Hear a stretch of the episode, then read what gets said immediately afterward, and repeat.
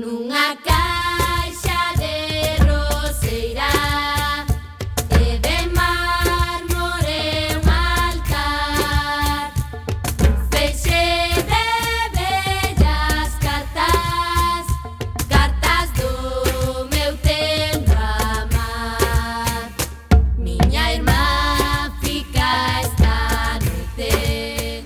Ola, que tal, recendeiros e recendeiras? Benvidos e benvidas a este espacio radiofónico semanal adicado á cultura que facemos en riguroso directo todos os martes ás 7 da tarde aquí en Coac FM, a Radio Comunitaria da Coruña.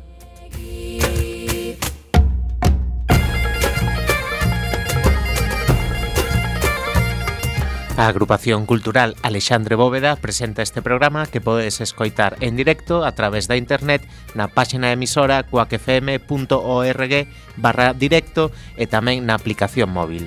E se non chegaches a tempo, non tes excusa, compañeiro.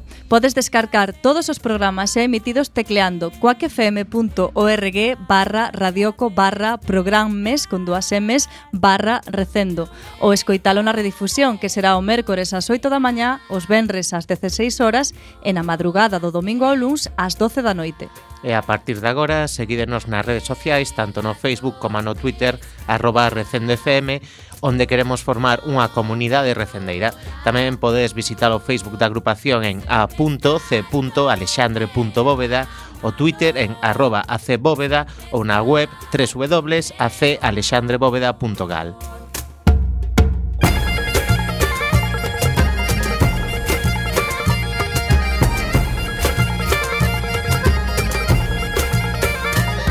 E xa sen máis imos caraló na procura desta fantástica aventura cultural con Roberto Cantoira no control técnico e falándolles coa Almanteira, Javi Pereira e Marta López. Sempre está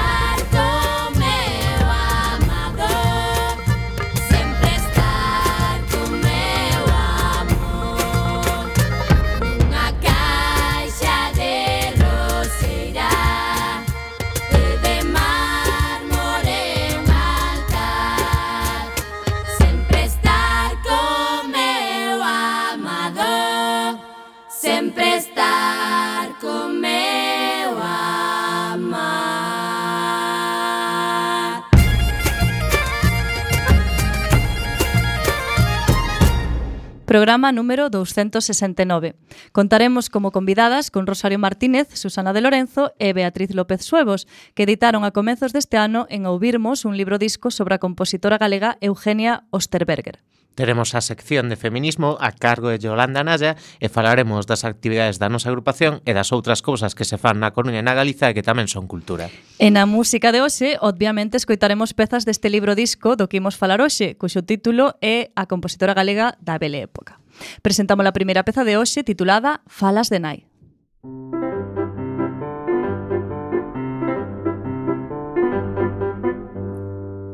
Eses cabelos crechos dourados, ese teu rei Eses olliños negros hermosos no seu mirar Se a mozo chegas cantar rapazas farán sorrir Se antes non morres cantas mulleres farán chorar Eses cabelos crechos dourados, ese teu rei Eses olliños negros hermosos no seu mirar. Se a mozo chegas cantar rapazas farán sorrir Se antes non morres cantas mulleres farán chorar Mais tua naiciña por bordas outras na esquecer. Pois en que atopes entre las gocenas súa pasión ti spegne il sole vicino pra se perder amor costante das nais e sono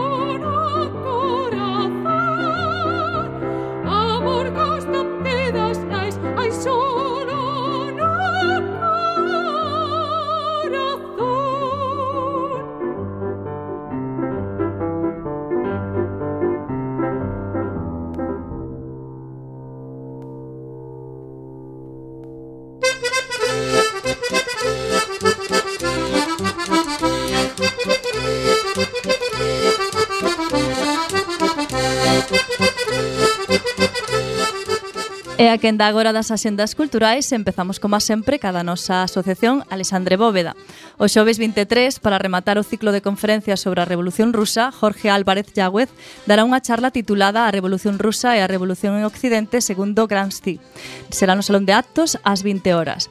E durante toda a semana celebrarase o ciclo As Chaves do Tempo, unha homenaxe á añorada escritora Luisa Villalta, socia de honra da nosa agrupación. Case todas as actividades terán lugar no PAF Monti, na Rúa Papagayo. Como como as exposicións coas súas poesías e obras alusivas a Maribel Longueira, Soledad Penalta, Xurxo Gómez Chao, Julia Ares e Ana Pillado. E o Benres 24 e sábado 25 de 7 a 20 horas daremos un paso en bicicleta pola Coruña e a súa luz encherá de poesía os espazos. E o sábado 25 tamén será o día forte xa que ás 13.30 percorreremos a cidade dando unha revolta literaria coa lectura da obra de Luisa E ao longo da tarde no Monti haberá espazos de creación escultórica con Araya Franco, dramáticos con Nacho Pena e recital poético a cargo dos seus amigos. O domingo 26 ás 12 horas na Igrexa das Capuchinas, Rua Panadeiras, teremos o concerto Música Reservada, a cargo do grupo instrumental Siglo XX de Florian Blasi, no que soarán pezas de Samuel Barber, Paulino Pereiro e Johann Sebastian Bach.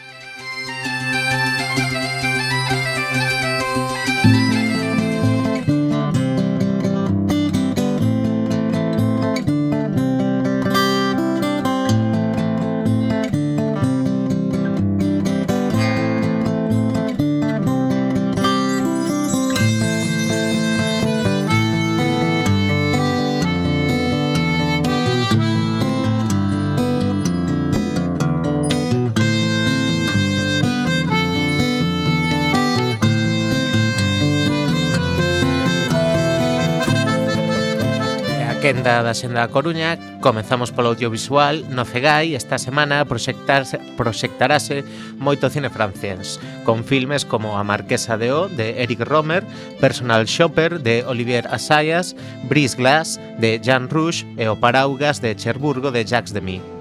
Continuamos cas artes escénicas. Neste momento de convulsión política no país, Alberto San Juan segue producindo obras nas que se aborda esta temática, como esta, España ingobernable, que se representará o sábado 25 ás 20.30 horas no Foro Metropolitano. Eh, se toda a familia quere ir ao teatro a ver cousas menos ásperas, o domingo 26 no Agora, en sesión matutina, ás 11.30 e a 1, A compañía Abun Teatre eh, representa Esféric. Xa sabedes que nestas obras o precio das entradas para os picariños é moi reducida e hai bonos familiares. Falamos agora de música. Esta semana poderase ver un espectáculo irrepetible titulado Hemisferios, Mulleres e Voces. Unha banda de músicos baixo a dirección artística da dramaturga Cristina Domínguez permitirá escoitar as voces de oito magníficas cantantes galegas Pilocha, Uxía Pedreira, Silvia Penide, Uxía, Sonia Ledinsky, Belén Taxes, Carmen Rey e Alba Rodríguez. Será o Benres 24 ás 20.30 no Teatro Colón. A entrada é gratuita, só hai que retirala na billeteira. Unha das musas da música galega, Susana Seibane, actuou Benres 24 no Ágora ás 21 horas, xusto despois de que Coac FM emita en directo dende ali mesmo o seu último Radio Barrio. E rematando o ciclo decimoterceiro de Coros Galegos 2017 organizado pola Centenaria Cántigas da Terra, o domingo 26, despois do perceptivo Pasarrúas, terá lugar ás 12 horas no Teatro Rosalía o concerto no que actuarán Cántigas e Garimos, os enxebres de Cacheiras e Cántigas da Terra. A comezo dos anos 60, no Reino Unido, formase un grupo no que toca o baixo un tal Dick Taylor. Ese grupo acabarase chamando The Rolling Stones, pero Dick vaise e con Phil May forma outro mítico grupo chamado The Pretty Things, que comeza a editar singles en 1964. Poderedes velos coa súa longa trayectoria este domingo 26 ás 9 horas na Mardi Gras. E seguimos agora cas exposicións. O vindeiro luns 27 inaugurase unha interesante exposición no Ágora, que estará visible exactamente durante un mes, ata o 27 de decembro. Titúlase Un emigrante na rúa, un inmigrante, perdón, na rúa. É unha exposición colectiva itinerante xurdida como froito da colaboración entre as entidades migrantes e Square.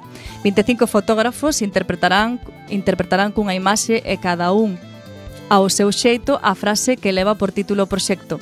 Cada unha das fotografías será apadriñada por unha entidade que se converterá en propietaria da imaxe unha 25 da serie, xa que se imprimirán 25 copias de cada obra para ser vendidas ao público. E rematamos con outro acto no Ágora, o vindeiro luns 27 ás 20 horas terá lugar unha interesantísima mesa redonda titulada Como sería un mundo gobernado por mulleres. Tede moito ollo que o aforo é limitado e para asistir hai que enviar un mail a clásicosnunhahora.gmail.com Na mesa tomarán parte Pilar García Negro, Andrea Jamardo, Eva Vieites e Silvia Seixas. Entre os asistentes haberá sorteo de agasallos, colaboran co evento a Asociación de Veciños Sagrado Orzán, Libraría Suevia e Suma. Música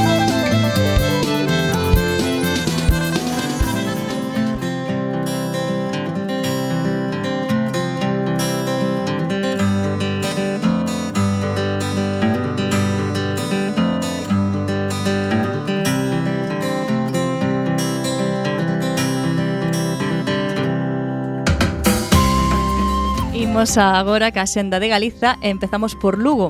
Airas Ensemble xunta instrumentos de vento e piano intentando mostrar ao máximo as posibilidades que ofrece. Atinxe unha variedade de estilos e resultados tímbricos interesantes. Actúan hoxe ás 20 horas no Círculo das Artes.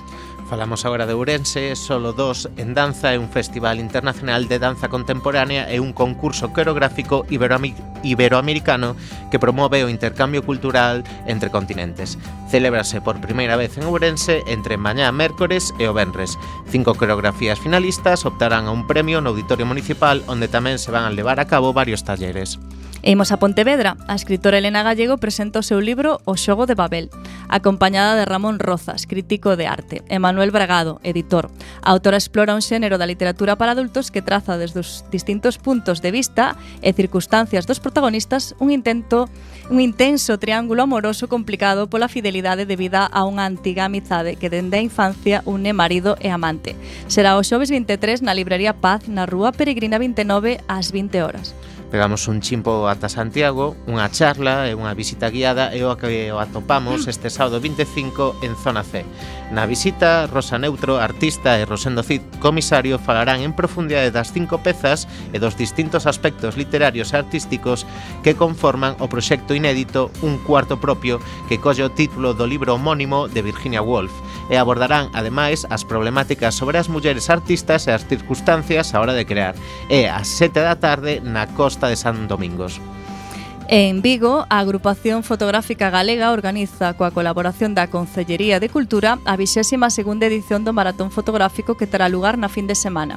Poderán participar todas aquelas persoas maiores de 14 anos que formalicen a súa inscripción o día do maratón, sábado 25, na cafetería Sifón, Rúa Doutor Cadaval 5, entre as 12 e as 12.45 horas. Tamén se poderá facer unha preinscripción online cubrindo o formulario disposto na páxina web eh, www.agrupacionfotográficagalega.com Poderase participar en categoría analóxica ou digital. Imos ata Ferrol, a Asociación Sociocultural ASE ASCM, entidade pioneira na defensa dos dereitos e da integración das persoas con disca discapacidade, celebra este ano o seu 30 aniversario. Para conmemorar esta data, a ASCM invita a quen o desexe a asistir á súa gala de, te de 30 aniversario. Tal como poden gozar con actuacións musicais, entrega de galardóns e cun repaso dos momentos máis especiais da asociación. Vai ser o domingo 26 no auditorio. E hoxe, como vila convidada, temos a Mos, Noite cinematográfica coa triunfadora nos premios Mestre Mateo, María e los demás de Nelly Regueira. Unha narrativa pausada que deixa caer o peso da trama nunha antiheroína, unha muller que se ve obrigada a pelexar en convencionalismos dos que non pertence de todo. Pode verse o sábado 25 ás 22.15 na Fundación Pazo de Mos.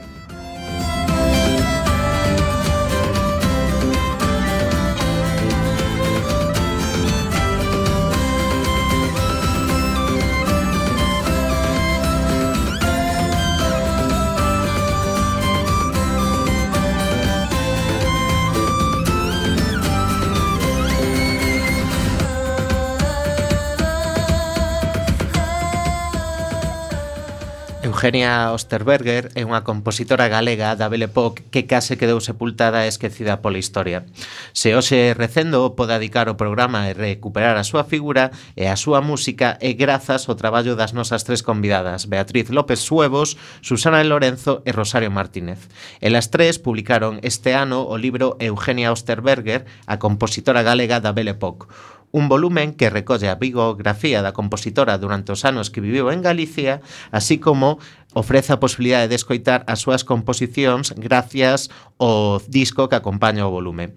Quizáis, pola súa condición de muller, Eugenia Osterberger non ocupa o lugar que merece xunto con compositores coetáneos que axudaron a consolidar a melodía galega, un xénero inherente ao noso acervo musical. Eugenia Osterberger naceu na Coruña en 1852. O seu pai era un alsaciano chegado a Galicia para traballar de gravador e litógrafo. Moi cedo, a familia mudase a Santiago, onde a compositora pasará a súa infancia. Eugenia Osterberger tivo a sorte de recibir unha formación moi superior a que doitaban recibir as mulleres galegas. Aos nove anos comeza os seus estudios de piano, un instrumento no que destacaría moi cedo. A súa adolescencia pasou na en Francia, onde cursou os estudios que a capacitan como maestra. Aos 22 anos volta a Galicia, primeiro a Santiago e logo a Coruña cando se muda xunto co seu marido. Na nosa cidade relacionase con Emilia Pardo Bazán e Sofía Casanova, así como con outros intelectuais galegos, entre eles os fundadores da Real Academia Galega. Todos eles comparten a idea de dignificar e espallar a cultura tradicional galega e o seu folclore. A labor de Eugenio Osterberger destaca neste eido coa melodía galega, un xénero que ten a súa orixe no líder alemán. A compositora, por ser muller, nunca chegou a ver interpretadas as súas obras máis aló das reunións sociais ou benéficas, pero sí que chegou a vela publicada, todo un fito para unha muller adicada á música durante o século XIX. Eugenio Osterberger morre en Niza no ano 1932, cidade na que residiu dende o ano 1908. Moi pouco é o que sabemos dela durante a súa estadía en Francia, mas hoxe descubriremos a Eugenia Osterberger galega da man das autoras Beatriz López Suevo, Susana, de Susana de Lorenzo e Rosario Martínez. Boas tardes as tres. Boas tardes. Boas tardes. Para comezar, cal é a importancia da figura de Eugenia Osterberger para a cultura galega? Quen quere empezar eh, contestando? bueno, Lan Rosario. eh, a miña maneira de ver creo que ten moita importancia dendo punto, desde varios puntos de vista. Primeiro, por ser unha muller. Eh, realmente escaseaban as mulleres que podían permitirse o luxo de dedicarse a unha vida intelectual. En, non estaba ben visto por, polos homes, eh, non hai que esquecer que no século XIX as mulleres podían cultivarse se os homes lles daban permiso, é dicir, os seus pais, os seus maridos ou incluso os seus tutores, aunque fosen irmáns máis novos, non? Entón, nese sentido, a mí pareceme que mm, Eugenia Osterberger ocupa un lugar que sería unha injusticia eh, ningunear, vamos, ou polo menos eh, esquecer. E despois, do punto de vista artístico, non cabe dúbida que foi unha persona que tivo talento musical, que compuso eh, pezas importantes e que alcanzou unha categoría eh, excepcional para as mulleres da súa época en ese eido. Entón, cal, cales son os motivos polos que Eugenia ficou esquecida para a historia da música galega? Eu penso que en primeiro lugar foi o seu apelido. O seu pai era alsaciano, tiña un apelido eh, moi complicado para a nosa cultura. E Eu penso que os, eh, os estudosos da música galega non repararon en que era eh, galega. E ademais, despois, ao casarse con un home francés, levou un apelido francés, co cual non había moitas pistas realmente os seus contemporáneos sabían no de sobra. Uh -huh. Pero nada máis pasaron uns cuantos anos, pois foise esquecendo e non se, non se ocuparon dela. Entón, máis que o apelido tamén non sería que era unha muller. Se si eh, fose un home con ese apelido non se dedúcese interesarían máis por saber de Dedúcese do que dixen primeiro. eh, ti misma decías eh, fai un momentiño que as súas composicións eh, se ouviran en círculos cerrados, familiares, sociales. Mm, normalmente sí, aunque se tocou publicamente a pavana eh, de Luis XIII, a tocou a banda de música en na Coruña no Recheo, de forma que, bueno, iso non era estrictamente privado, non? Pero se fose un home, está claro que participaría en eh, actos públicos, sería eh, popularmente aplaudido, etcétera, etcétera, eso está claro. Uh -huh. Eu creo ademais que, que, que cando se interpretaba a súa música non se recoñecía a ela eh, digamos, como profesional da música. É dicir, os homes, compositores, ese, se eh, escoitaba a Chané, a Montes, a Valdomir, a Dalí, o que fose, pois eran compositores profesionais. Ela, aínda que componía o mesmo, eh, era como unha segunda dedicación, porque a súa eh, é a vida social eh, estaba casada co director da fábrica de gas de Coruña entón mm, a súa mm, vida social era o importante a vida familiar. Pero, por exemplo, a, a divulgación da súa obra é moi importante, porque eh, a, a peza que escoitamos antes, Falas de Nai, por exemplo, foi editada por Casa do Tesio. Casa do Tesio foi absorbida por Unión Musical Española e tiña, ademais, absorbidos Casa Romero, etc. É dicir, que dominaba todo o mercado, o comercio musical de Madrid, no século XIX en, e principios do XX. É dicir que eh, eu ademais eh, atopei copias de, desta partitura no, no a colección de pezas galegas no Conservatorio Superior de Música de Madrid, eh, na Unión Musical Española, no Arquivo Histórico, na SGAE, eh, na Biblioteca Nacional, é dicir que tivo unha difusión moito maior que moitas pezas dos seus contemporáneos varóns. Mm. E logo as súas pezas en Francia editadas por Paul de Courcelles, eh, que era un editor que saía da, da, da, da Casa Salaber eh, Durán, eh, de, de París, que era un editor de Niza, pois tivo tamén moito recoñecemento de compositores varos da súa época que lle dedicaron obras a ela. É dicir que mm, sí que ten recoñecemento a súa obra, pero quizáis non en Galicia e non polos compositores eh, varóns. Mm. Mm-hmm. O sea que nese momento sí que foi coñecida non en neses, sí. neses círculos, non?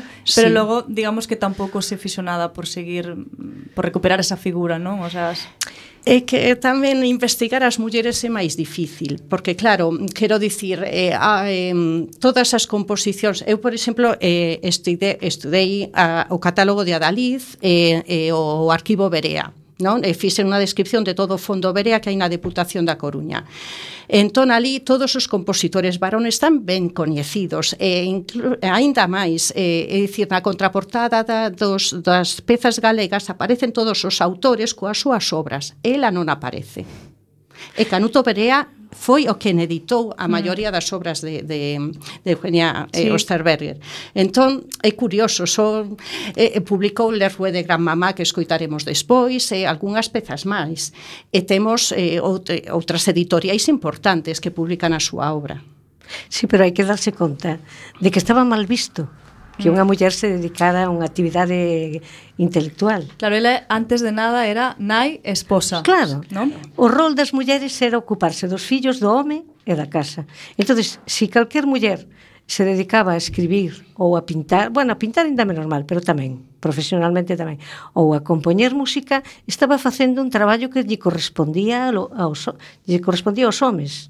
Ela estaba desertando do seu rol Mm. Entonces era moi comprometido incluso para a xente que traballaba nos periódicos e iso, mm, sacar estas cousas á luz porque podía ferir a dignidade das familias. A honra. Claro. Eso Rosalía Castro o di moi claramente. O sea, a carta que ten a Enarda lle dice, mira, é que as mulleres canto máis burras, mellor. É o que queren eles. Outra cousa é que teñamos que ser así, non? Pero quero dicir que temos que prescindir do noso punto de vista do século XXI. O mm. contexto era completamente diferente. As mulleres tiñan un rol moi claro e moi marcado. E toda aquela muller que se mm, desmarcaba dese rol tiña moitos problemas, moitísimos problemas de todo tipo. Entón, ela tuvo moita sorte ca súa familia, non? Dentro do que cabe, e claro. como era esa familia para que ela pudese desenrolar a súa... O pai era unha persona, era un artista, para empezar porque era un grabador magnífico. Era unha persona que tiña outro mundo recorrido. Eh, viña de Alsacia, eh, vivira en outros países, e polo tanto tiña outra mentalidade. E eh, despois ela casou con un home que era francés, que fora masón, que tiña unha visión completamente diferente tamén da que tradicionalmente se tiña en Galicia con respecto ás, ás actividades das mulleres. Entón, gracias a iso, ela pudo seguir compoñendo. Ela tuvo moitos fillos, tuvo sete fillos, e tuvo que coidar con do, de dous que aportou ao matrimonio el, pero aínda se lle permitiu que pudera compoñer e que pudera dar clases de piano e que pudera seguir cultivando a súa paixón. Claro, se fora a dar con unha familia máis estándar, menos culta, menos aberta, non, non podría facer o que fixo. Imos escoitar outra peza de Eugenia Osterberger, neste caso titulada Burlescos.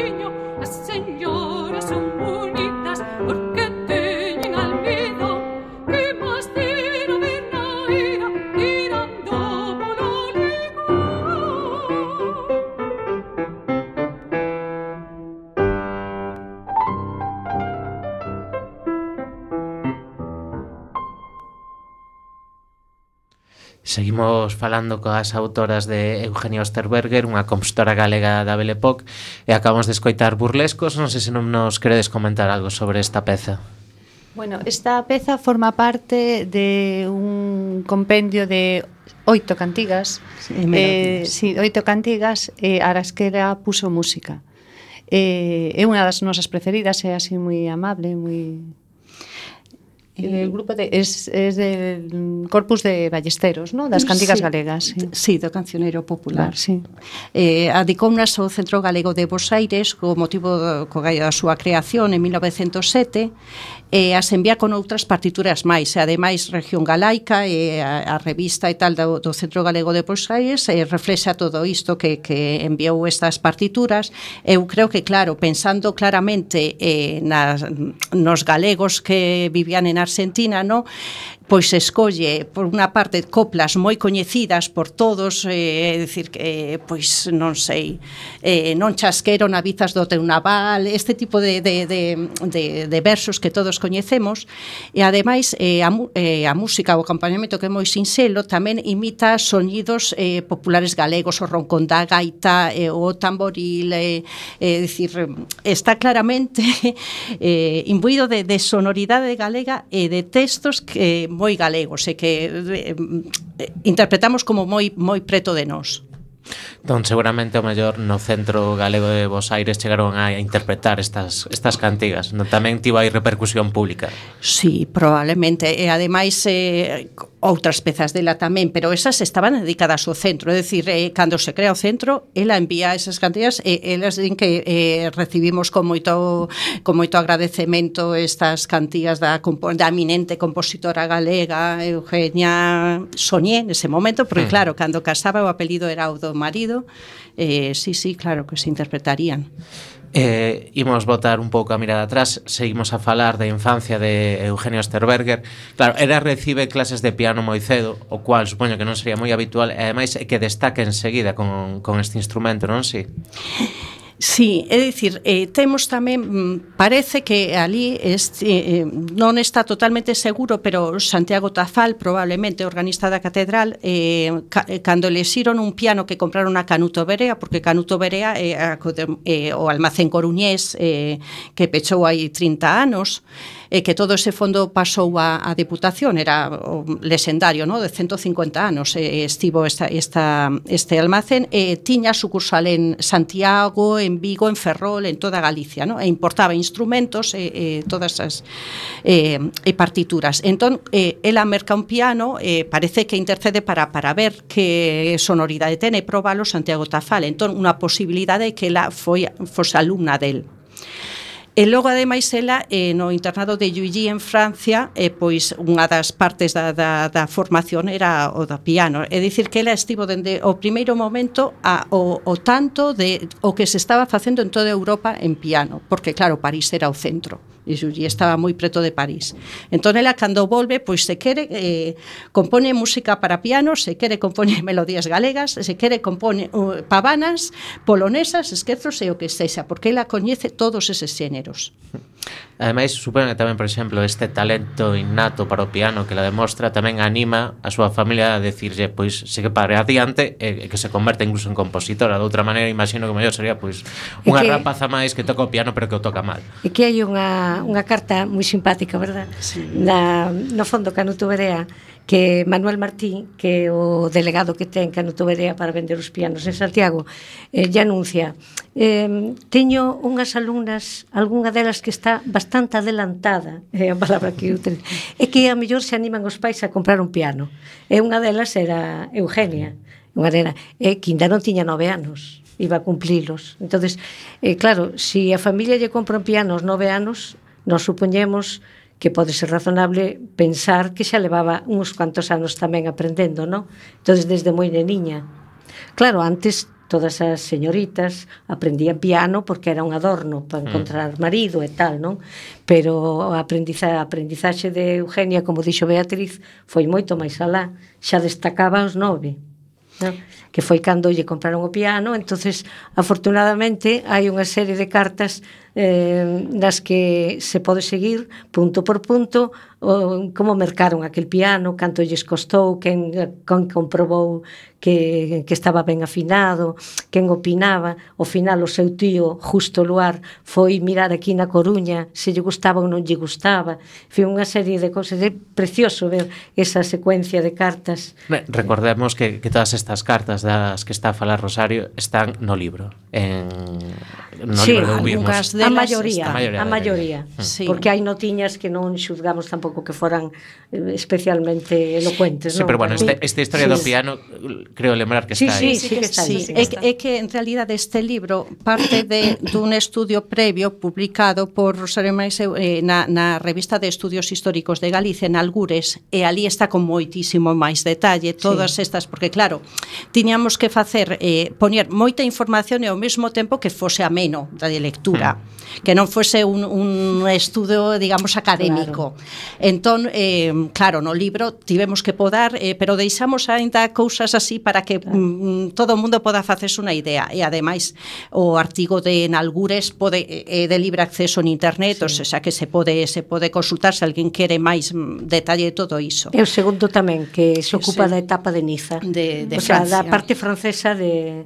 de Eh, mm, sabemos que, que, que estudiou en Francia tamén, non? Sí. Eh, cantos anos pasou ali? O sea, Pois foi estudiar a Yuyi cando era unha adolescente, máis ou menos, e volveu, me parece que foi no ano, eh, espérate, Estivo casou no 79, no 74 ou por aí. Sí. Volveu con 22 anos, creo recordar do libro, mm, non?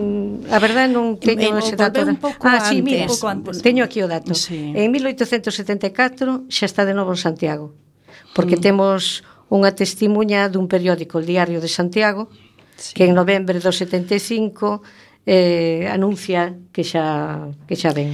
E, e que ela, ademais, eh, é dicir, eh, completou a súa formación en Francia, pero tamén os pais, digamos, que lle buscaron un sustento económico. Claro. Como profesora de francés, e subsidiariamente de piano tamén.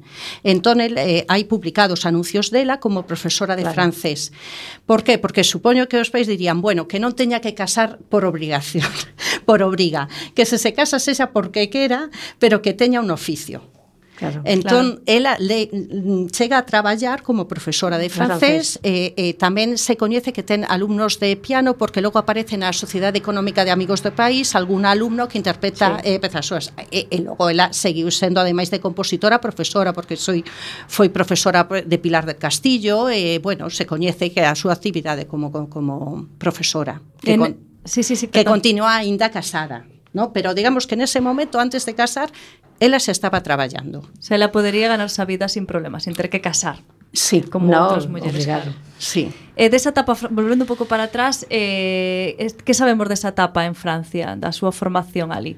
Que estivo nun colexio de señoritas eh, que se chama o colexio de Yuyi, que estaba ao cargo da, dunhas monxas, as damas de San Luís, e que pouco máis sabemos, verdad? Sí. Que o colexio tiña moito prestixio, que realmente era, diríamos hoxe, avanzado nas técnicas e no, no método, E, e despois que o ano 74 xa estaba de volta a Santiago xa se anunciaba. Pero Lali seguía ca súa formación musical, entendo, non? A parte sí, de outras... musical, sí. musical e diríamos uh, intelectual. Mística en xeral, sí, sí. Porque ela ademais falaba perfectamente francés, eh, galego sí. e, e castelán. No, eh, eu estuve remexendo polos planes de estudio uh -huh. daquela época uh -huh. e eh, as mulleres se lles daba os mesmos estudios que os homes. Uh Solamente variaba un pouco na formación de lenguas clásicas, que eles metían máis matemáticas, eles menos, pero eh, non era a diferencia que había aquí en España, eh?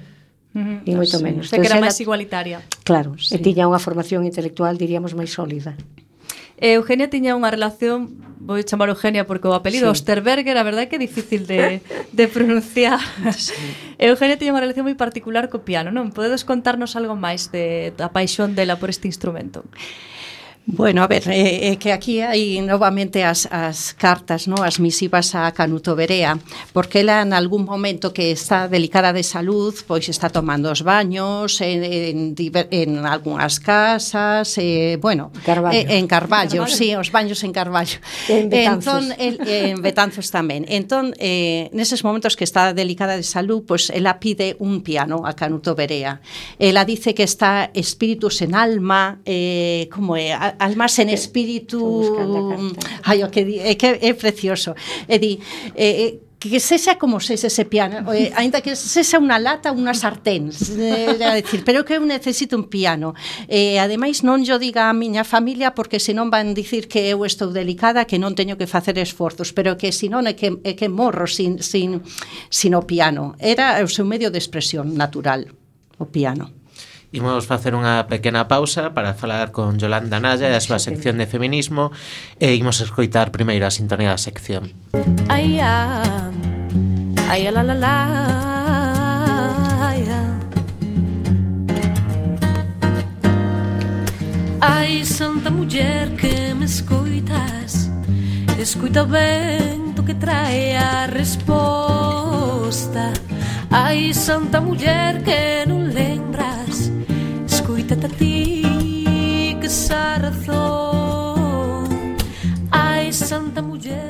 Hola, boas tardes, Yolanda. Hola, que tal? Eh, moi boa tarde. Que nos vas contar hoxe? Pois, bueno, boa tarde a toda a mesa de debate. Eh, pois mira, pois que estamos a unha semana xa, no, as portas de, de da, da conmemoración do 25 de novembro, o Día Internacional para a Eliminación da Violencia contra as Mulleres que este eh, vindeiro sábado. Eh, nada, como sempre, desde, bueno, desde os colectivos feministas, Marcha Mundial das Mulleres, etc., pois queremos denunciar máis unha vez pois todo tipo de, de violencias no? contra as mulleres, simplemente polo feito de ser mulleres, e seguimos cada ano pois, eh, cami, co, mismo, co mismo tema. E claro, bueno, non son só pois, eh, as agresións, as hostias, no? falando así claramente, o asesinato, que eso moitas veces é o último, pero antes pásase por moitos por moitos pasos gravísimos. Eh, bueno, padecemos eh, pues, durante toda a nosa vida pues, todo tipo de violencias, acoso sexual, violencia estética, agresións sexuais, eh, discriminación laboral. Bueno, vivimos nun sistema patriarcal que apuntala esas violencias e que temos que loitar contra elas, esa, ese é o noso, o noso fin. Eh, bueno, quero facer eh, fincapé na violencia institucional, eh, sobre todo hai moito debate ahora mismo, bueno, debate, por chamarlo, por chamarlo de alguna maneira, claro, porque que estamos a sufrir, non sei se chamarlle tamén retroceso, ou simplemente que, bueno, se crea unha especie de burbulla pola cal pensamos que xa conqueriramos pues, pois, unha certa igualdade de trato das institucións. Falo do terrible, terrible caso que que está o trato que está a recibir a muller vítima da violación múltiple dos Sanfermines. Uh -huh. Que, bueno, xa houve casos anteriores así eh, e foi terrible. Eh, incluso a que se exerce desde os medios generalistas que están dando unha cobertura mediática eh, bueno, terrible, ¿no? Terrible. Eh, tanto nese como nos demais casos de agresión ou asesinatos machistas. Sempre se busca unha excusa, un motivo, algo que justifique a agresión o asasinato do machista, simplemente por, por ser muller, ¿no? Da, da, pois a súa parella, exparella, coñecida, etc. E, bueno, neste, este ano, desde a Marcha Mundial das Mulleres, pois poñemos o foco en que o machismo oprime e mata desde a infancia. Eh, a ver, denunciamos, por exemplo, que as crianzas non son recoñecidas como vítimas de violencia machista. Hmm. Eh, contabilízase dúas vítimas de violencia machista na Galiza este ano, eh, dúas mulleres, mas non contan pois, con niño de 12 meses asasinado polo seu pai en 11 cesuras, nin tampouco tanto as crianzas como, por exemplo, a, a nai de 73 anos asasinada na Coruña. Eh, denunciamos tamén a autorización eh, da suposta igualdade que significa a custodia compartida, mm, é dicir, eh, levouse incluso ao, parla ao Parlamento galego. Eh, desde a marcha recitamos calquera modificación que implique unha custodia compartida imposta, non consensuada, non consensuada, eh, cando non estou acordo entre os membros da parella. A custodia compartida imposta mm, bueno, pois, eh, eh, non ten moita razón de ser por un motivo fundamental. Eh, moitos dos varóns que amosaron comportamentos violentos na relación de parella, no momento da separación, solicitan a custodia compartida. Eh, E o motivo, eh, moitas veces, para que? Para seguir a facerlle dano á muller e poder continuar co maltrato. E bueno, e así en algo máis algo máis xenérico, eh, en cantas parellas, no, que coñeceres que o reparto é 50-50, no, na no tempo que se ocupan das crianzas. Daquela mm, en canto cando se produce unha separación querer dispoñer dese 50% cando non se fixo anteriormente bueno, no momento en que eh, e a sociedade sexa igualitaria, que non exista, e por suposto non hace a violencia machista, daquela pues, poderá implementar unha custodia compartida por defecto. Mm, no, eh, mentras na mentras eh, deber, deber consensuada eh, entre os membros da parella. Claro. E bueno, xa para, xa para finalizar, sí, a, para acabar eh, esa igualdade efectiva, pois, pues, eh, desde a marcha pues, reclamamos eh, cosas bastante básicas, pero que non se cumplen normalmente, unha educación non sexista, non? Pues un modelo de escola que non se xa androcéntrico, andro, androcéntrico no, resparto, no reparto de espazo, nos contidos, na organización do traballo. Debemos educar dando respecto e a liberdade, campañas de concienciación social, unha justiza ao servizo da igualdade e protección real ás mulleres que sofren violencias. Eh, bueno, falando de protección que sufren valencias, nada, simplemente facer un pequeno inciso que aquí no xugado da Coruña, como penso que xa sabe, bueno, saliu bastante na prensa, eh, pechouse o xulgado de violencia de, de, de, de violencia contra a muller da Coruña porque o suiz eh, eh, titular estaba de vacacións. Eso non se pode permitir, eso non, non, non se pode permitir eso ningún concepto. Non, non suplir a plaza, vale, durante a hmm, durante Entendemos. as vacacións como, como, como debe ser. E bueno, eh, nada, así, desde, desde a Marcha Mundial das Mulleres seguiremos loitando para acabalo. Este sábado hai eh, eh, concentración, ¿no? con unha performance como, como, como debemos facer todos os anos, eh, novelisco, a sete da tarde. E bueno, pues, fago chamamento para que acudades, se, se pode decir. Sí. E seguiremos en marcha ata que todas sexamos libres. Moitas gracias, Yolanda. Eh, lembramos outra vez máis este sábado 25 a 7 no, no... A 7 no Belisco. No Belisco. Sí. Moitas gracias, Yolanda. Nada, moitas gracias a vos. Un saúdo. Hasta logo. Hasta logo. Nos seguimos falando con Susana, Beatriz e Rosario. Eh, Cando comeza a compoñer a súa propia música, Eugenia? Un non sei se queredes engadir algo sobre o piano, porque estaba antes por aí Rosario buscando... Eu é que encontrei a carta. Corpo sin alma. Sí, entonces ela decía, queda comprendido que en el primero de los dos casos me manda usted el piano tan prontito como pueda, como pueda, porque ya sabe usted que sin ese instrumento quedo y quedaré siempre un cuerpo sin alma, un espíritu sin alimento. Así que... A auténtica paixón polo piano. A auténtica paixón polo piano. Sí. Eh, sabemos ou temos idea de cando comeza ela a compoñer, bueno, aínda que saberemos cando son publicadas as primeiras pezas, pero cando comeza con, con esta tema de compoñer? Pois eh, dende moi cedo, porque e máis temos, eh, bueno, eu teño alguna sospeita de que algunha unha obra publicada en París eh, quizáis da súa etapa en que estaba estudando ali E logo tamén ela envía varias composicións suyas a Canuto Berea para que as examine e que lle diga o seu parecer, que algunhas delas están sen localizar.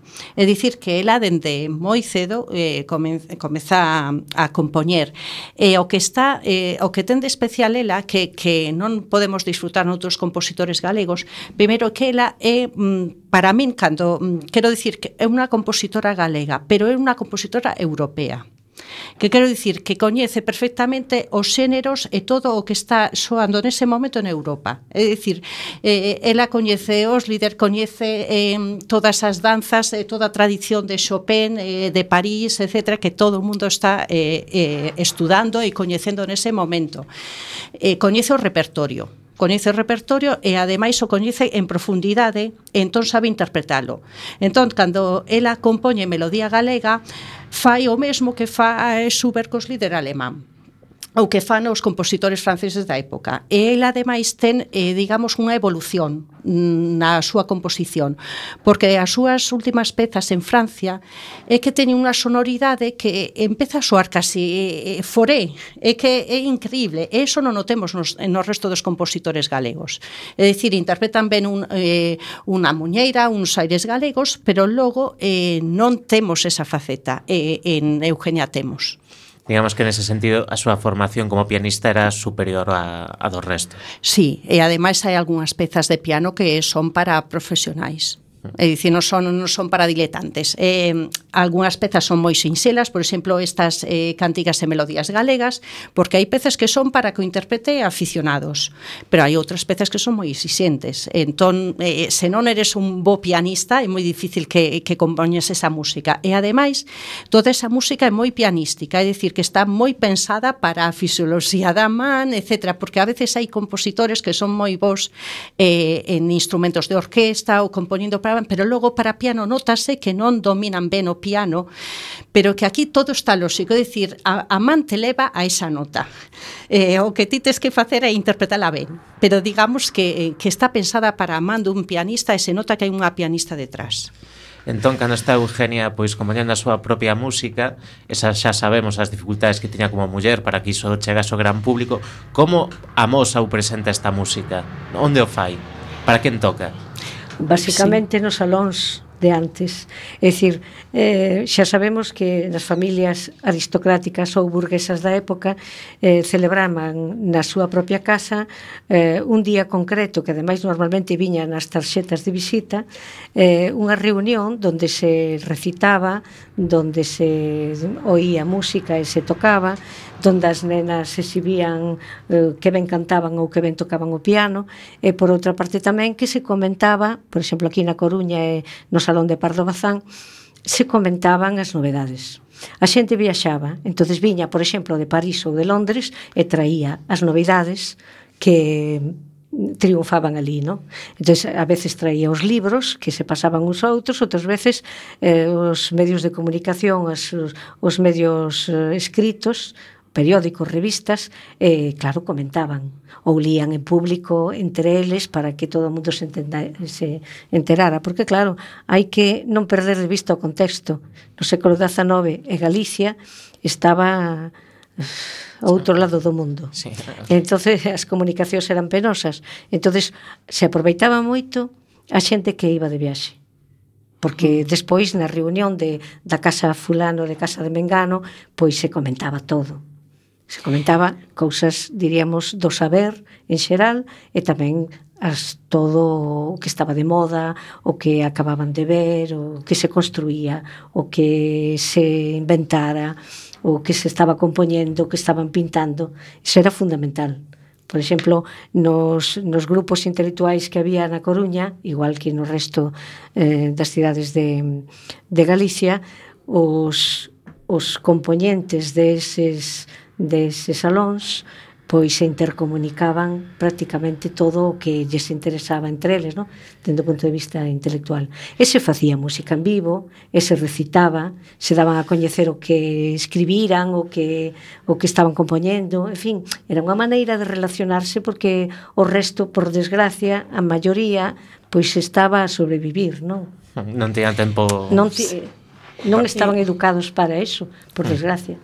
Eh, outro espacio natural, ademais do que eh, explicou eh, Charo, tamén eran oh, todas as veladas, digamos, caritativas sí. para recaudar fondos. Ela eh, tiña unha posición social importante, pois era a, a muller do director da fábrica de gas de Coruña. Entón, en todas esas veladas, pois interpretaban pezas, entregaban cestas con flores ou con frutas a quen interpretaba música.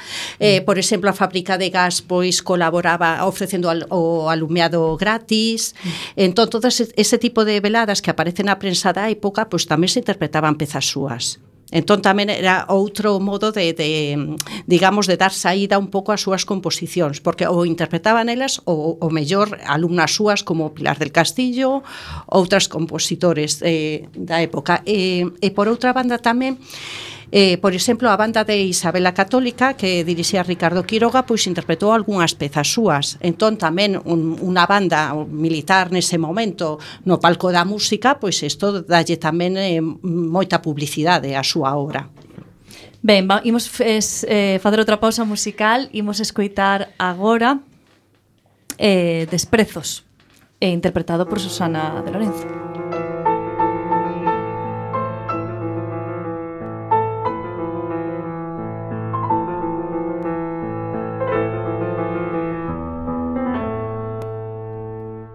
Arriba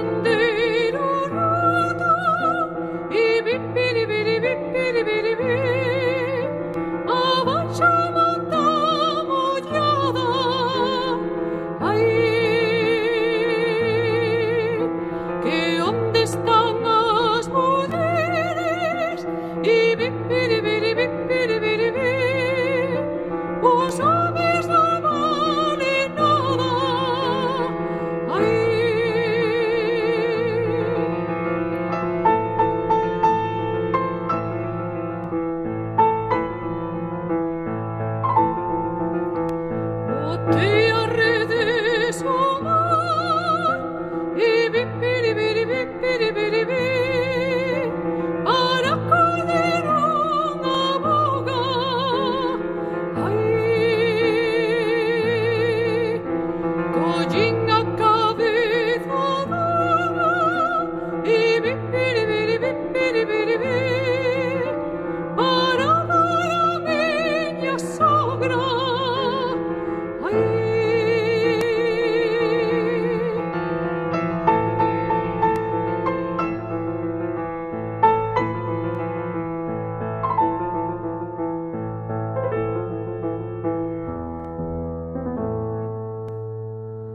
Seguimos a falar de Eugenia Osterberger con Susana, con Beatriz e con Rosario. Antes nos comentaba Beatriz que ela eh, como instrumentista, como pianista, pois pues que eh, se notaba que que era coñecedora do instrumento. Eh, no caso da voz, Susana tamén ou sí. A ver, o... Eh, o encontro con Eugenia Estebergo foi de, realmente delicioso.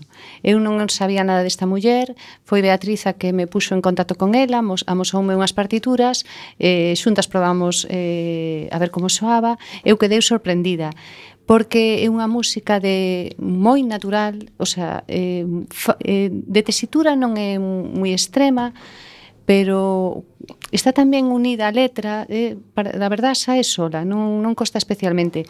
Sí que tiñamos un pouco de problema porque non hai ninguna referencia, o cual é un reto, un fermoso reto, non, hai, non tiñamos ninguna referencia así para basarnos, pero bueno, eh, o traballo xuntas foi estupendo, disfrutamos moitísimo, incluso restando algunhas partituras que non se entendían ben, a ver que podía ser, mm. eh, e dende logo sempre... Eh, eu adorei cantar esta, a esta muller.